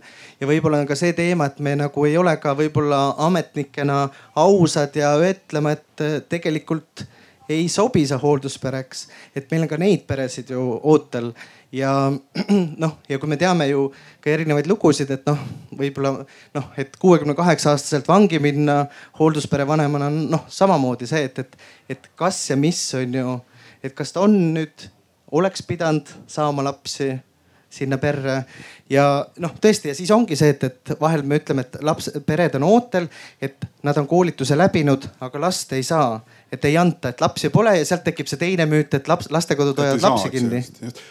miks üldse muideks tekib see, mis, mis need põhjused siis on, kui pere jääb ootele nii-öelda, et, et ta jääb midagi oma elus, olus parandama, et mis selle, seda raske pilti nagu täidab? no ma nägin, Aasa, su kätt, ma annan sulle ka sõna hea meelega, aga ma, ma siin tahaks öelda, et äh, tegelikult nagu päris nii ei ole, et hooldusperesid on meil nii palju ja nad on ootel, meil on vähe hooldusperesid ja seda tuleb tõdeda. et meil on palju rohkem äh, juurde vaja ja siin on nagu ka erinevad asjaolud, et äh, ük, need hoolduspered, kes on nii-öelda ootel seal on ju see, et kas seal on tegemist lapse vanusega, et mis vanuses lapse tulekuks on pere valmis, eks ju, kas seal on mingisugused noh sellised nendepoolsed ootused. või näiteks, kas see pere on valmis selleks, et see laps tuleb ajutiselt sinna perre. et siin on nii palju nüansse, et päris nii ei ole, et tegelikult kõik need hoolduspered, kes tulevad, kes on valmis, et ja, ja kui need kriteeriumid nii-öelda on sellised laiemad, siis äh, nad lapsega saavad. Äh, jah, lapsendaja peresid või, või need lapsendada soovivaid inimesi on rohkem ootel, aga seal on ka need aspektid, et, äh, et võib-olla tahetakse natuke väiksemat last või nii et Aasa, sa tahtsid lisada? ma tegelikult ei tahtnudki midagi rohkem lisada, kui Nadja juba ütles, et ma ei ole sellega nõus, et hooldusperesid on ootel. et lapsendajaid tõesti, kuna meil lapsendamiseks vabu lapsi on oluliselt vähem, neid on tõesti ootel, aga siin mingi kuu-poolteist tagasi ma just vaatasin hooldusperede registrit ja kõige pikemat aega ootel olnud pere oli minu meelest neli-viis kuud oodanud et äh, tõepoolest seal on ikkagi neid lapsi, kes peresi vajab, on hästi palju ja sellist ooteaega seal ikka üldiselt ei teki, et no, seesama oligi mul no, öelda. see on vaata, kui nüüd Sotsiaalkindlustusameti alla tulid, eks ju, need hoolduspered, et ja meil ennem olid nad ju maavalitsuste juures ja tegelikult need inimesed, seal on väga palju peresid, tegelikult on ka, kes on, on, Pride õpetajad on jaganud ka kogemust, et kes on, äh, ei, nad on ka hoolduspered olnud varasemalt ja mingil põhjusel nad ütlevadki, et siis, et, et näed, et lastekodud hoiavad lapsi kinni, et neile ei anta. ja meie ise Tallinna lastekoduna otsime ka väga aktiivselt äh, neid äh, hooldusperesid, siis kui need, kes me oleme ise ju kuskilt on meieni jõudnud, et siis me algul teeme ise esmase intervjuu ja siis ma olen, eks ju, Aasa sinu poole pöördunud. ja noh, seal on ka see, et, et inimesed tihti ei tea, nad on koolituse läbinud ühel hetkel nad on andnud ähm, äh, siis soovi, et nad soovivad lapsendada. nüüd on see, et, et, et äkki hakata hoolduspereks, mis tähendab seda, et siis tuleb uuesti ka hindamine ära teha et äh, või siis ka see, et, et noh, et äh, ta on avaldanud soovi, et ma algul tahan saada väikest last. nüüd on see, et, et hoopis pakkuda on mingi suurem laps. noh, on jälle vaja uuesti hinnata, et kas see pere on ikkagi õige sellise lapse kasvatamiseks, et ja see on ilmselt see, mis tekitab sellist äh, segadust. ma korra, Kaia, enne, enne kui sa ütled, et teate, ma hakkasin nagu mõtlema, et andke käega märku. Äh, me siin räägime lapsendamisest ja hooldusperedest, äkki ma pean korra mainima, mis see erinevus on, kui te ei tea. et kui keegi ei tea, siis ma kindlasti räägin sellest, andke käega märku, kelle jaoks ei ole arusaadav, kes on see hoolduspere, kes on lapsendaja, et mis see vahe on, kas ma pean natuke selgitama? okei okay,, väga tore, siis ma hästi lühidalt mm -hmm. äkki ütlen, et äh, lapsendamine on selline tagasipöördumatu protsess, ehk siis kui äh, seda otsustab kohus ja kui ma lapsendan lapse, siis ma tegelikult olen samas rollis põhimõtteliselt nagu bioloogiline lapsevanem. eks me oleme selle lapsega samasuguses suhtes, ütleme niimoodi juriidiliselt äh, hooldusperest rääkida. isegi ei saa lahutada, nii nagu ütleme, et mees ja naine saavad lahutada, siis sellest suhtest enam sellisel kombel lahutada päriselt ei saa. saab no.. saab ikkagi ka veel. saab ja neid nii. juhtumeid on ka ja no e, e, olukordi on erinevaid nagu ka bioloogilises peres, et selles mõttes, aga seal on tegemist juba hooldusõigusega, täpselt samamoodi nagu bioloogilises. seal on peres. ka veel üks väike aste on veel vahel, eks ju, okei okay ei ole, see on nagu võrdne, tegelikult see on. ma mõtlen selle osas, et seda saab ka ära võtta, ühesõnaga keegi kohus uuesti jälle saab seda kuidagi nagu lahti ja, lõigata ja, jah, nagu igas teises mm -hmm. peres okay. just. kui me räägime hooldusperest, siis hoolduspere nagu ema-isa ikka nagu lapsevanem samas rollis, kes kasvatab igapäevaselt seda last oma kodus, oma pere keskel aga siin on oluliseks nüansiks see, et selle lapse seaduslikuks esindajaks ehk siis eestkostjaks on kohalik omavalitsus. See tähendab äh, noh, ma nimetan seda võib-olla jagatud vanemluseks või jagatud vastutuseks, kus hoolduspere kasvatab, aga tähtsaid otsuseid tehakse koostöös kohaliku omavalitsusega ja tegelikult see ei ole, noh, mulle meeldib ka rõhutada nii, et see on tegelikult ka perele toeks, et ma ei ole üksi vaid minu kõrval on ka see spetsialist või spetsialistid, kellega me saame koos ühiselt arutada ja mõelda ja otsustada. see on see põhiline vahe ma tooksin ühe vahe veel välja, mis on sageli ka hooldusvanematele oluline argument, mis paneb neid võib-olla natukene kõhklema, on see, et hooldusvanematel on ka kohustus säilitada lapse sidet tema sünnivanematega. ehk et kui sünnivanemad on olemas ja, ja bioloogilistel vanematega on võimalik äh, siiski suhelda, siis selle suhte säilitamine on lapse huvides ja, ja selles määras seda ka tuleb teha. ka see võib olla see, mis hooldusperesid aeg-ajalt ka hirmutab, et see laps ei ole nagu ainult minu oma vaid ma pean ka neid teisi suhteid korraldama, aga muidu ka muidugi lisaks sidemele, tegelikult sideme hoidmine ka lapsendamise puhul ju hästi oluline, seda sidet on võimalik hoida mitte ainult suhtluse kaudu, kus ei ole mingil põhjusel võimalik. aga näiteks needsamad narratiivid, lood, fotod, et, et me säilitame seda lapse lugu, eks ju. aga hoolduspere puhul tõesti vahe ka see, et, et seda, seda suhtlust ka hoida võimalusel, et aga kui siin äh, Eliise tõi selle välja, arvas, et äh, hooldusvanemaks või, või ka lapsendatud, lapsendajaks on äh, kindlasti palju lihtsam saada kui sünnitada, siis mina julgen öelda, et minu rasedused ja minu sünnitamine oli kõik rõõmsal meelel kantud. Ja, ja see, et mingi protsess võib olla ja mingi protseduur selle juures võib olla valus ei tähenda ju tegelikult mitte midagi, tegelikult mitte midagi. Ähm, mina oma kõige äh, kibedamad äh, pisarad ilmselt ikkagi valasin sel perioodil, kui me Angelat oma perre ootasime, sest äh, aegadega ja aastatega on siin noh, ka olukorrad ilmselt ja suhtumised muutunud, nii et kui meie olime talle tugipereks asi vast sujus väga kenasti, aga kui me soovisime saada hoolduspereks, äh, siis me kuulsime päris äh, tõsist sellist väidet, et aga kuidas me saame lapse sinna perre anda, mõlemad vanemad käivad ju tööl, kes seda last siis kasvatab ehk et äh, see oli siis argument asenduskodu poolt, et see laps ei peaks asenduskodust perre liikuma, vaid võiks seal edasi olla, külastage teda aeg-ajalt. kas selle ja... põhjus on mingi pearaha siis, mis oleks muidu ära läinud? võib-olla ma mitte selle, mitte teie üld, ma ei mõtle konkreetset lugu jah, jah. Okay., ütleme nii, üldises, üldises filosoofias ma arvan, et kümme aastat tagasi see võis nii olla. ja, ja, ja sealt edasi siis kui ja, ja, ja, ja, ja kui viid pärast seda kahte või kolme päeva lapse asenduskodusse tagasi ja sa näed, et ta on kokkuvarisemise äärel, sellepärast et öeldakse, et las ta olla ikka siin mitte peres, siis, siis see protsess on väga-väga raske tegelikult ähm, noh, igatepidi.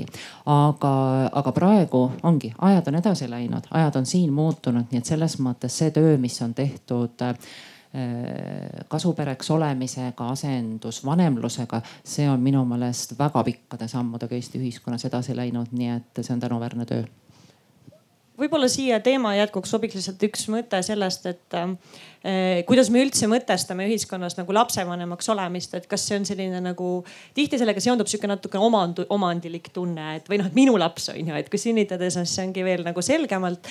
et, et minu jaoks ka tegelikult seesama Pride koolitus, kus me käisime ja selle käigus nagu kogu selle teema läbimõtlemine tähendas seda, et noh, mina olin väga valmis selleks, et kui laps meile perre tuleb, aga tuleb keegi laps, kellel näiteks oma vanematega saavad asjad korda, et ta läheb oma bioloogilisse pere tagasi.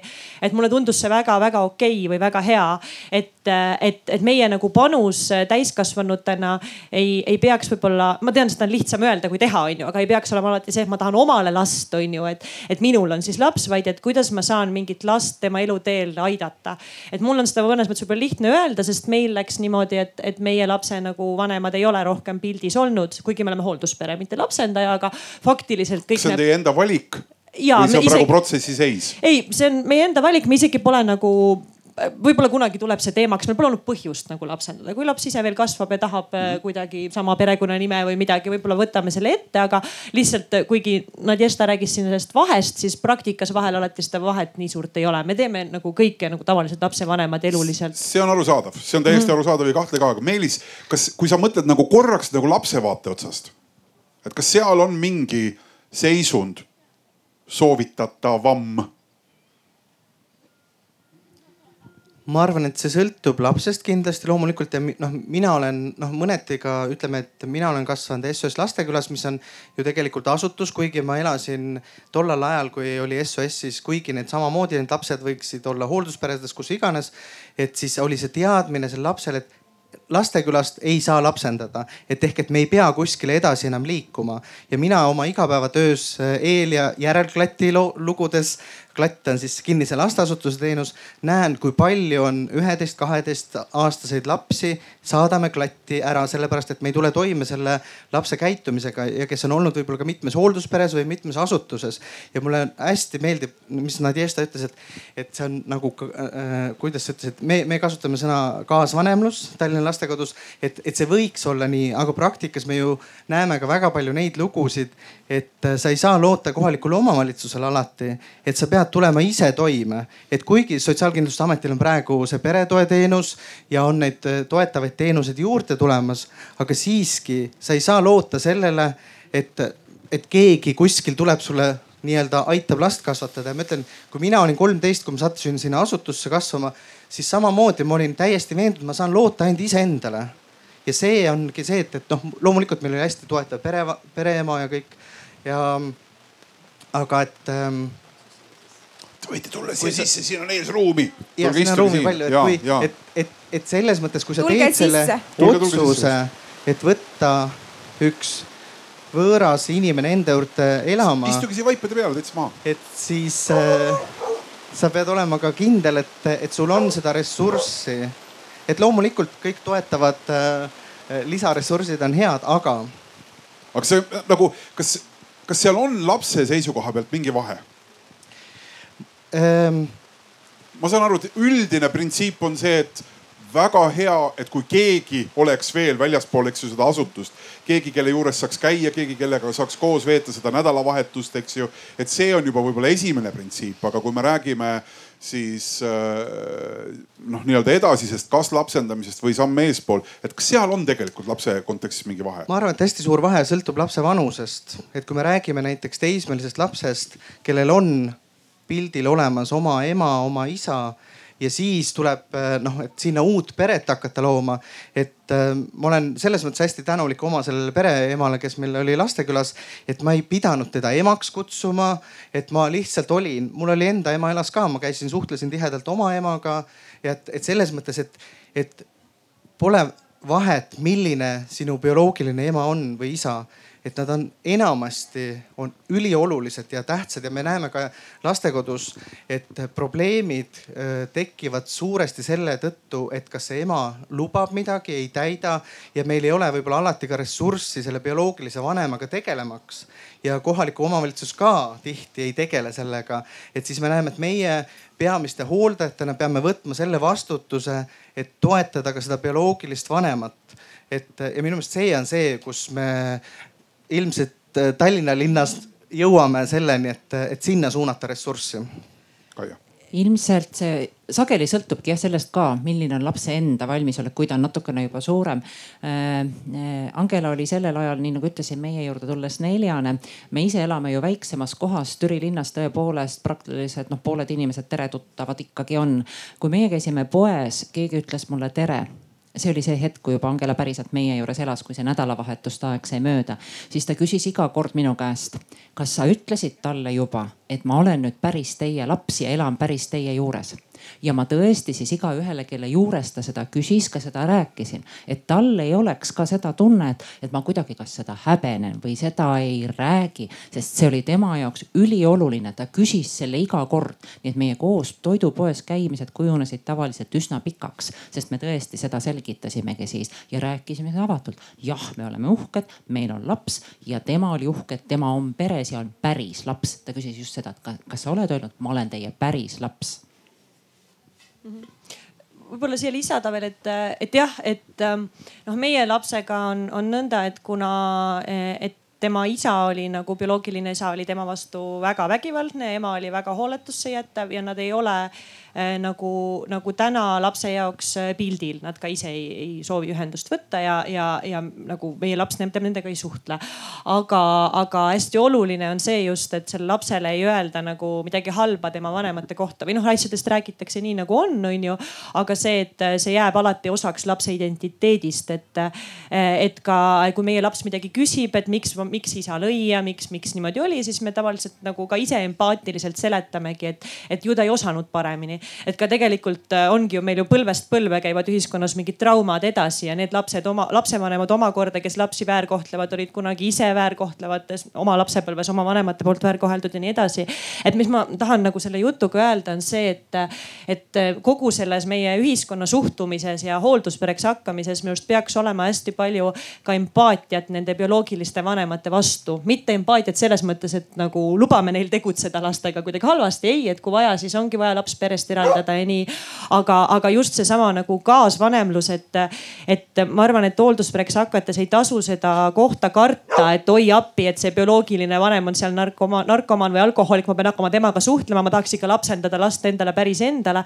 võib-olla näha, näha seda pigem võimalusena, et see laps tulebki oma pagasiga ja talle on see ema või isa ikka kuskil südames kallis, see on nagu osa temast jääb alati, ükskõik kui vägivaldne see bioloogiline vanem oli.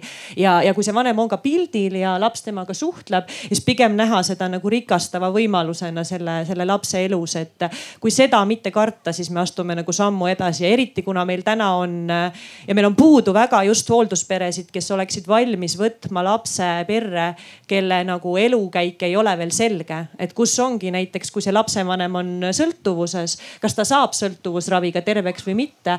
et, et kui need asjad on lahtised, et kui meil oleks rohkem, rohkem neid peresid, kes on selles mõttes veel enam avatud südamega, et ma panustan selle lapsesse ellu kaks aastat näiteks, aga ta lähebki tagasi perre ja siis ma jään talle äkki toredaks tädiks ja peretuttavaks, aga või me jäämegi nagu jagama seda vanemlust, bioloogilised vanemad ja meie hoolduspere, et kui meil seda valmisolekut oleks rohkem, siis, siis meil saaks nagu väga palju rohkem lapsi aidata kui täna, et kui ei oleks nii palju seda ainult endale nagu lapse tahtmist, kuigi seda on ka vaja ja neid lapsi on ka, kes päris endale jäävad hästi lühidalt ka jah. ma arvan jah, et see lapse valmisolek ka ja, ja see, et ta oma bioloogilisi vanemaid teab või tunneb sellisel määral, mis on võimalik. see on oluline, tema meile ise joonistas ühe pildi, et, et te teaksite, missugune oli minu ema, joonistas ema rasedana ja enda sinna kõhu sisse. et jah, mina sündisin tema seest, nii et tema jaoks oli see lugu nagu oluline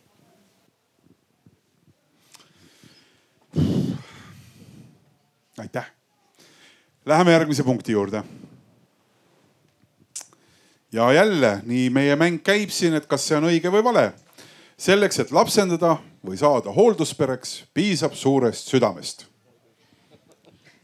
no me ei mõtle siin suurt südant kui ühte meditsiinilist probleemi äh, laienenud koda või vatsakest, vaid noh, saate aru, belletristiliselt, et piisab sellest, kui on suur süda ja tahtmine. kes arvab seda, palun tõstab käe. Üks käsi.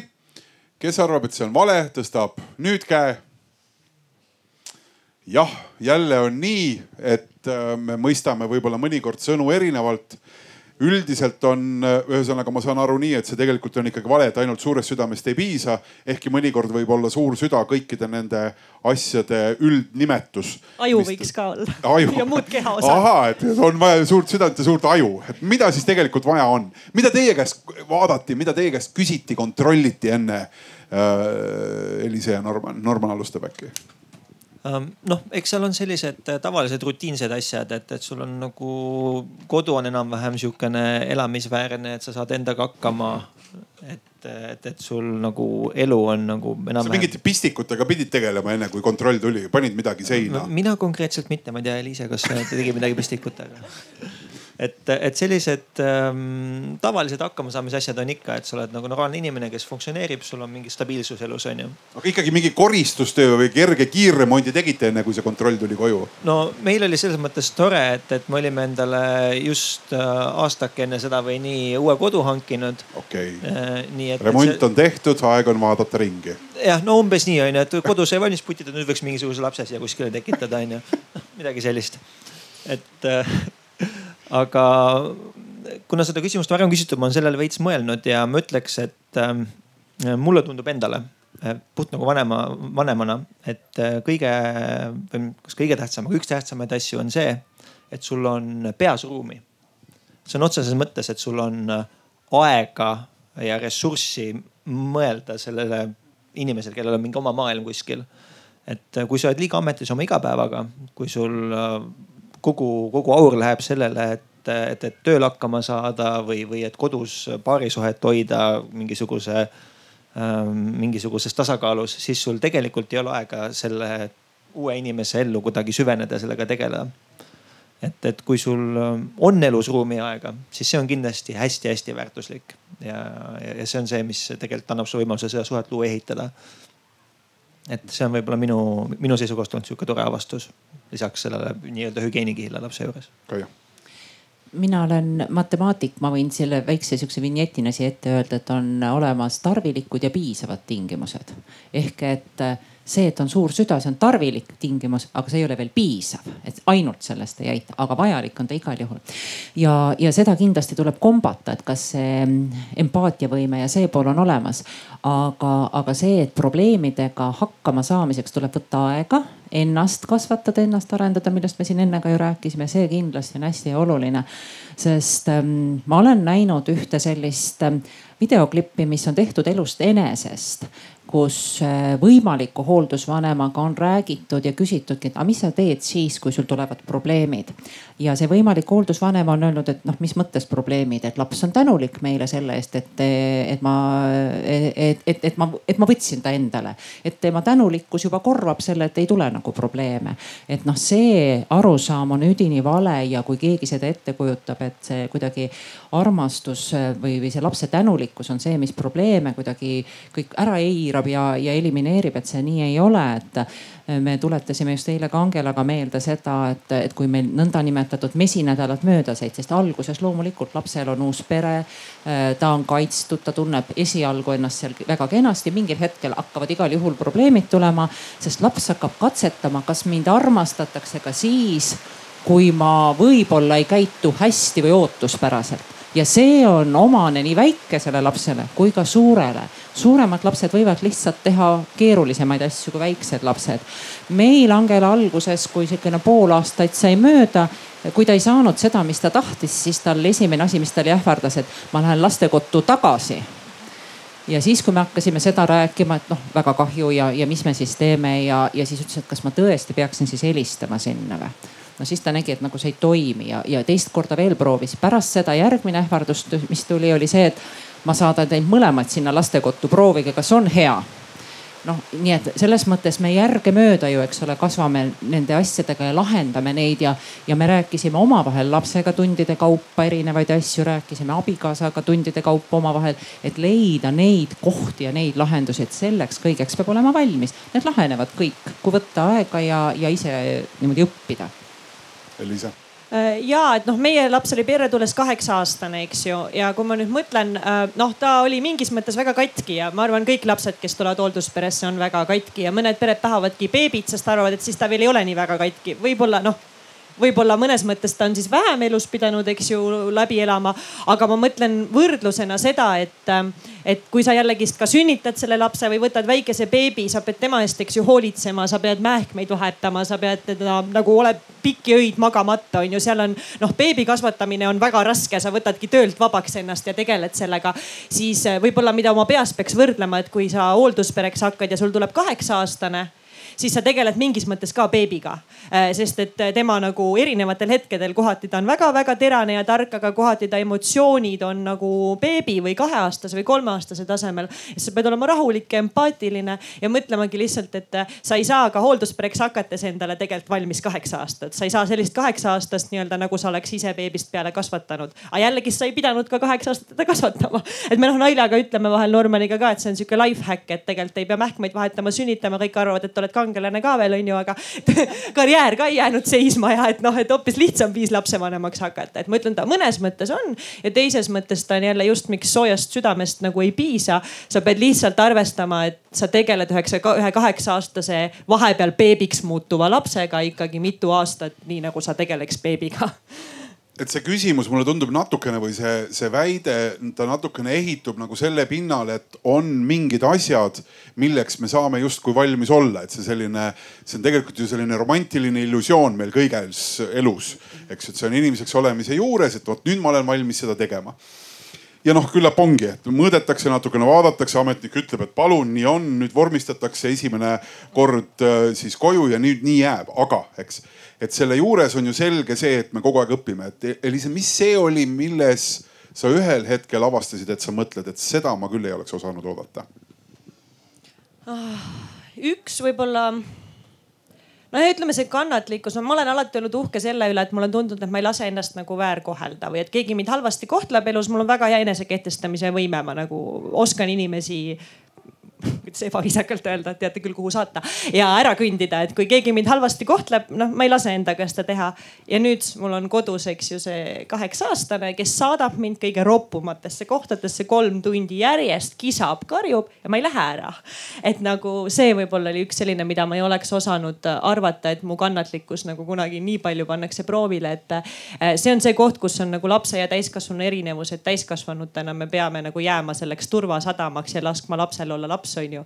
Et, et ongi nii nagu beebi nutab, see kaheksa aastane nut, nutmise asemel ropendab ja karjub ja peksab sind vahepeal. jah, seda on ka. ma ei tea, kui palju bioloogilistes peredes on, aga nagu meil vähemalt on olnud ja see on paremaks läinud aja jooksul, aga see, selleks ma võib-olla jah, ma ei teadnud, et ma pean kunagi selleks valmis olema, et, et kannatada enda halvasti kohtlemist aga, aga ma olen kannatanud ja tegelikult äh, õppinud ise rahulikuks jääma, saama aru, et see ei ole tegelikult minu vastu, ta võib mind sõimata, aga see on tema enda nagu trauma, mis ta peab lihtsalt nagu läbi elama ja nii ongi.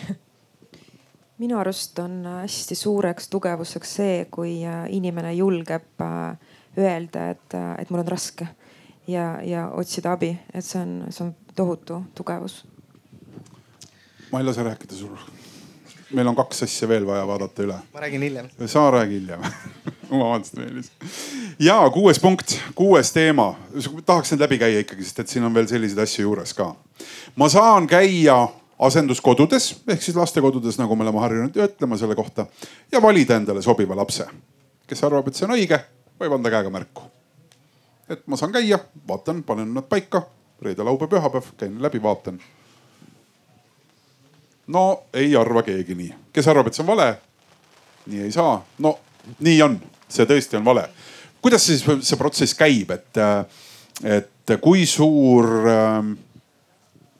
kui suur mõju on siis nii-öelda, kuidas lapsevanem valida saab seda siis ikkagi lõpuks või, või milles see valik nagu seisneb sõna otseses mõttes, Nadežda? ma arvan, ma kohe annaks järje üle ka Meelisele, et ta saaks rääkida lastekodu juhina, kuidas ta seda näeb, aga tegelikult me otsime ju lastele äh, peret, just talle seda sobivamat peret. ja siin on nii palju erinevaid äh, jälle asjaolusid, et Äh, rahvus ja vanus ja tema vajadused, et me lähtume sellest ja me vaatame, kes need pered on meil registris, äh, mis on nende ootused ja valmisolekud ja siis me hakkame nagu vaatama, et ahaa, et vot sellele lapsele võiks sobida see ja siis me hakkame niimoodi suhtlema ja siis to toimub selline kokkuviimine ja, ja kontakti loomine. see on sihuke samamoodi teekond, see ei ole niimoodi, et põmm ja homme see laps tuleb teie perre ja nii ongi. aga jah, et äh, valimisest, et lastekodus käimine, sellist asja ei ole, et me käime käime ja valime endale lapsi. Eh, see käib teistmoodi, aga siin võib-olla noh, ma arvan, et vanemad saavad ka sinna juurde lisada hästi oluline ka selline ütleme kokkusobivus äkki või. et see on tegelikult ju sihukene vastastikune, et nii laps kui need tulevased vanemad peavad kuidagi tundma, et jah, me oleme valmis nüüd. et see ei käi nii jälle, et kui ma tunnen, et, et, et miski nagu kripeldab, siis sellest tuleb rääkida kindlasti. Meelis.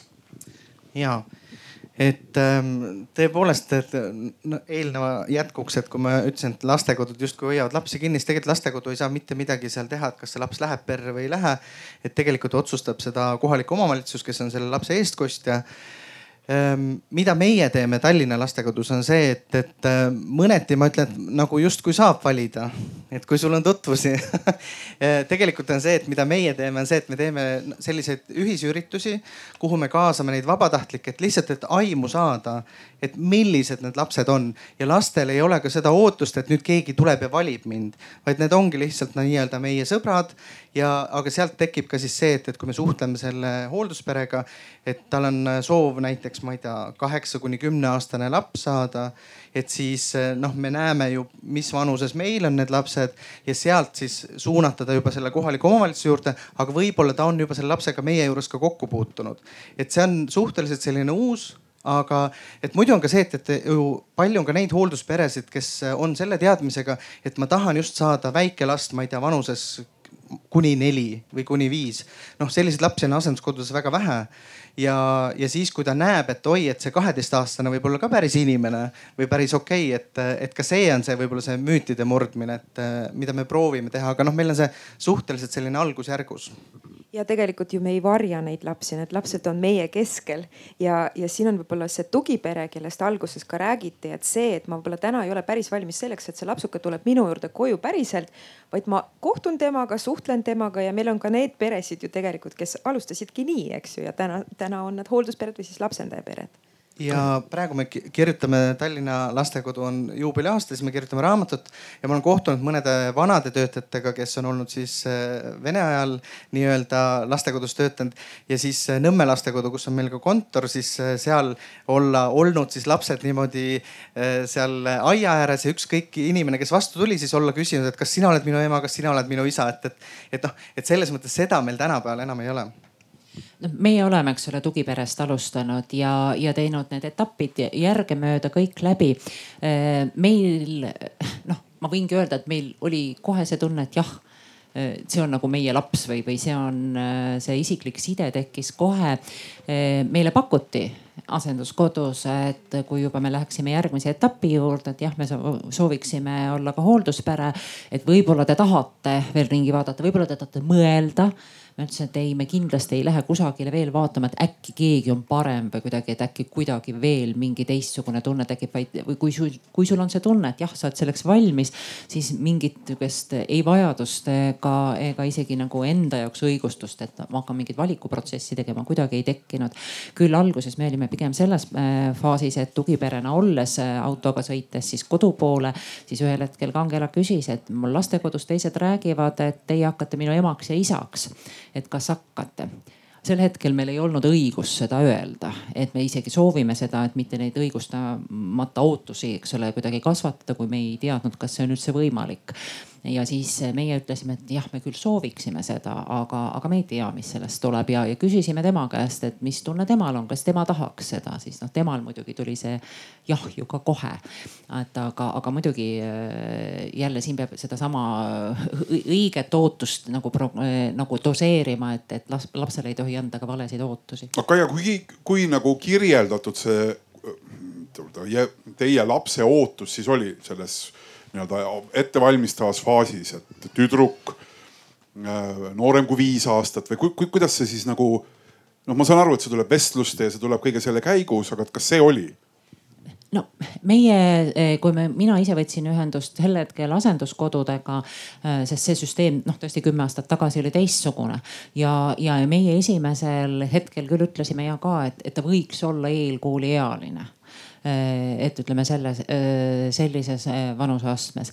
aga pakkusime, et ka, et jah, et me oleme avatud ka kõigeks muuks, eks ole, nii et selles osas asenduskodu siis olles laps, laste eestkostjatega läbi rääkinud ja, ja siis pakkusid välja ehk et omavalitsusega pakkusid siis välja, et jah, vot meil selline laps on. esimene kohtumine oli meil selline, et me ei kohtunud lapsega, vaid me olime ühes toas, kus siis meil oli võimalik noh jälgida ja näha seda last lihtsalt ja siis küsiti, et kuidas kuidas teil tunne siis on, et kas te soovite, ma ütlesin, et loomulikult me soovime jätkata.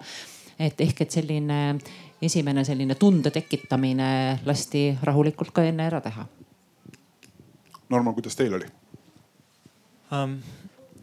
mulle millegipärast meenus läbi nalja selline väljend nagu suunatud demokraatia et äh, me andsime ka sellise äh, mingisuguse hästi üldise lähteülesande nii-öelda ette, et äh, umbes kuni varateismeline päris beebit me nagu ei sihtinud nii-öelda aga otseselt ka ei välistanud ja meie üks sihukene eripalve oli, et, et intellekt oleks normaalne. Et ei oleks mingit sügavat intellektipuuet ega muud sellist äh, pidevat igapäevast hoolt vajavat erivajadust, millega peaks kogu aeg tegelema noh, minu sihukene naiivne ettekujutus siis noh, päris niimoodi ei olnud, et nüüd lapsed võtavad poolkaarde siis toimub mingi valik, onju. Uh, et see läks õnneks palju, palju toredamalt, et, et mõnda aega registris olnuna meile siis mingi hetk tuli teavitus, sihuke tähtis kõne, et nii, et nüüd on meil nagu um, kaks last kelle osas nagu meile tundub, et te võiksite sobida neile vanemaks, kui nagu teil asjad kokku sobivad. ja siis meile korraldati sellised äh, toredad külastused lastekodu, kus siis lastele öeldi, et on lihtsalt mingid toredad inimesed, kes nagu aitavad seda elus natukene korraldada, vedavad teiega veits aega, noh nad ikka vahest käivad kuskil muuseumides või, või mingisugustel väljakäikudel mingisuguste täiskasvanud inimestena, inimestega. ja meie siis olime need mingisugused täiskasvanud inimesed, kes siis äh, käisid natuke ajas nendega juttu ja tegid mingit tegevust koos esimene laps, kes oli natukene vanem, ehm, temaga me sihukest ühiskontakti kuidagi hästi ei leidnud. ta oli rohkem süübinud kuidagi endasse oma tegemistesse. meie sihukesed püüded temaga sihukest kahepoolset vestlust pidada kuidagi sumbusid. ta rääkis täiesti oma juttu ja ma tundsin, et meil sihukest head kontakti ei olnud ehm, teine laps on siis, oli siis see laps, kes on täna meie peres temaga oli kõik kuidagi noh, ma ütleks, et esimesest pilgust oli sihukene suur tunne, et see on minu laps, võtan kaenasse ja lähen minema, onju. et, et pigem, pigem algus on ikka noh, eriti kuna mul ei olnud veel ettekujutust, mille, mis see vanemlus üldse täpselt tähendab, et, et, et ja see kõik oli nagu järk-järguline, teoreetiline veel. et siis ma lihtsalt alguses vaatasin, et, et oh, et ähm, mingi normaalne tore laps, tal on mingid raamatud siin. Neid ta loeb, oskab lugeda, päris hea räägib, räägib mingeid loogilisi lauseid, veits on häbelik, normaalne, lapsed vist ongi. et no aga noh, ma ei tea, lähme siis muuseumisse või, või, või parki või ma ei tea, kas sa jäätist tahad et, et umbes niimoodi need, need sellised äh, järk-järguline väike tutvumine on ja siis me paar korda käisimegi jalutamas pargis, ajasime juttu ja noh. siis vaikselt nagu hakkasime huvitama, kuidas tal koolis läheb, mis ta teeb, mis ta väljakutsed on ja, ja, ja kuidagi niimoodi. ja aitäh, Norman viimane, viimane, viimane ja sõna otseses mõttes siin teeme täiesti nagu kiirkorras, et kui olen hoolduspere, siis iga hetk võidakse mult laps ootamatult üleöö ära võtta. kas see on tõde või vale, kes arvavad, et nii on, tõstke käsi püsti. tublid. päris ei või. ja, ja kes arvab, et see on vale, nüüd võib tõsta käe siis no tõesti, see on vale, igal pool plaksutatakse, ma püüan nüüd kiiresti lõpujooksu teha, et et arusaadav, et eriti hoolduspere, eks ju, eesmärk ikkagi on bioloogiliste vanematega nii-öelda see suhe taastada ja, ja, ja see kõik on võimalik ju ka, eks ju, et kuidas siis see protsess käib, kahe sõnaga lihtsalt, Nadežda no ja, et äh, tegelikult hästi oluline on läbi rääkida algusest peale, et milleks me valmis oleme täna, et kas me oleme valmis selleks, et laps läheb tagasi või ei ole valmis, see on päris aus ja siiras mhm. vestlus ja selliseid peresid meil väga palju ei ole, tuleb tõdeda, kes on valmis selleks, et äh, laps tuleb ajutiselt, pigem ollakse valmis selleks, et laps jääb minu perre. aga neid asju on vaja ausalt läbi rääkida, see on kõige tähtsam. Aga tegelikult käibki nii, et äh, bioloogilise perega tehakse koostööd kohaliku omavalitsuse poolt, toetatakse, hoitakse seda suhtlust ja sidet äh, lapse ja pere vahel ja, ja kui olukord võimaldab, siis laps naasebki perekonda ja kui ei võimalda, siis laps jääb hooldusperre või siis lapsendatakse, oleneb olukorrast, kus laps on. aitäh selle vastuse eest ka. enne veel, kui me joone vahele tõmbame me oleme poolteist tundi sellel teemal nüüd rääkinud, saanud tuttavaks äh, või taas kohtunud inimestega, kes äh, on oma elu äh, siis sellisel kombel lastega muutnud. ma lihtsalt küsin teie käest, hea publik või kes te olete siin jälginud seda vestlust, et kes selle pooleteise tunni sees on tundnud või on hetkeks mõelnud, et äh, tahaks ka proovida oh,. siin öeldi juba, et tõsta käsi siin oli neid käsi umbes kümmekond. viimane ring on see, et ma küsin teie käest nende inimeste toetuseks, kes korraks seda mõtlesid. miks seda siis peaks proovima, miks seda peaks tegema, Kaia? oh, see on, see on see on nii tore kogemus ja see on nii tore elu osa ja ma olen väga tänulik meie tütrele Angelale, et ta meie ellu tuli. nii suures plaanis, et meil on võimalus teda armastada ja, ja ma loodan, et temal tulevikus on oma lastele võimalik seda armastust jagada. Ja, ja meelde tuletada, et asi tegelikult hakkab pisikestest asjadest. üks pisike näide veel. kui Angela meie juurde tuli lastekodus kasvanud laps, ta ei olnud ilmselt õhtul hilja õues käinud ja, ja meie pidime talle õpetama seda, et kuud taevas on üks, mis siis, et maja poolt, ühelt poolt vaadates on üks kuu, teisel pool on teine kuu. ta oli täiesti veendunud, et õues ongi kaks kuud kumbagil pool korstent, sest nad paistavad kahena. Nende pisikeste asjade õpetamine on see, mis täidab iga kord teie südant suure rõõmutundega kõige selle keerulise kõrval, mis seal olla võib. nii et proovige järgi, kui te olete endas kindlad Meelis? ma lihtsalt ütlen, et, ähm, et võib-olla on oluline mõtestada, et äh, miks ma tahan seda last endale ja sest, et ähm, noh, kuna meil on ka raske sügava puudega laste hoiukodu, kus on siis käivad need lapsed, kes on bioloogiliste vanemate juures ja kuulates ka neid lugusid, et, et eks see mõneti on samamoodi selline loterii. et mul on küll üks ootus, aga see, kes mulle pärast koju tuleb, võib sealt avalduda hoopis miskit muud, et, et minu meelest hästi oluline on see, et ma pean olema ise kindel ja tõesti mõtestama, et miks. Eliisa julgustuseks ütleks, et, et minna samm korraga edasi, et alati saab ei öelda, aga üks samm korraga uurida, minna koolitusele, aga selle hea hetkena ma ütleks lihtsalt, et lihtsalt oma lapse näitel, et on rasked hetked ka, aga siis see hetk, kui laps tuleb sinu juurde, ütleb, ma armastan sind ja ütleb aitäh, et te mind oma perre võtsite, mis on ka, mis meie laps vahel ütleb. ja noh, nende hetkede nimel, see on nagu kõik raskused on seda väärt ja ma arvan, et vähe on elus asju, mis saavad olla nagu tähendusrikkamad, et Norman? äge projekt on, et, et, et, et noh, tegelikult ka nagu, et ähm, noh, mina olen võib-olla siis veits kandilise vaatega, aga, aga ma võtsin selle ellu, et oleks sisukas lahe väljakutse. see on olnud ülivõimas äh,. näha seda, kuidas äh, laps muutub, kasvab, areneb, kuidas, kuidas tema küsimused maailma kohta muutuvad kvaliteetsemaks, see on, see on lihtsalt, lihtsalt äh, tuus ma, kui ma tohin, üks väike repliik veel, kellel on juba enne lapsed ja te mõtlete selle peale, siis ma arvan, et äh, see ka praegu teil olemasolevatele lastele mõjub see väga hästi.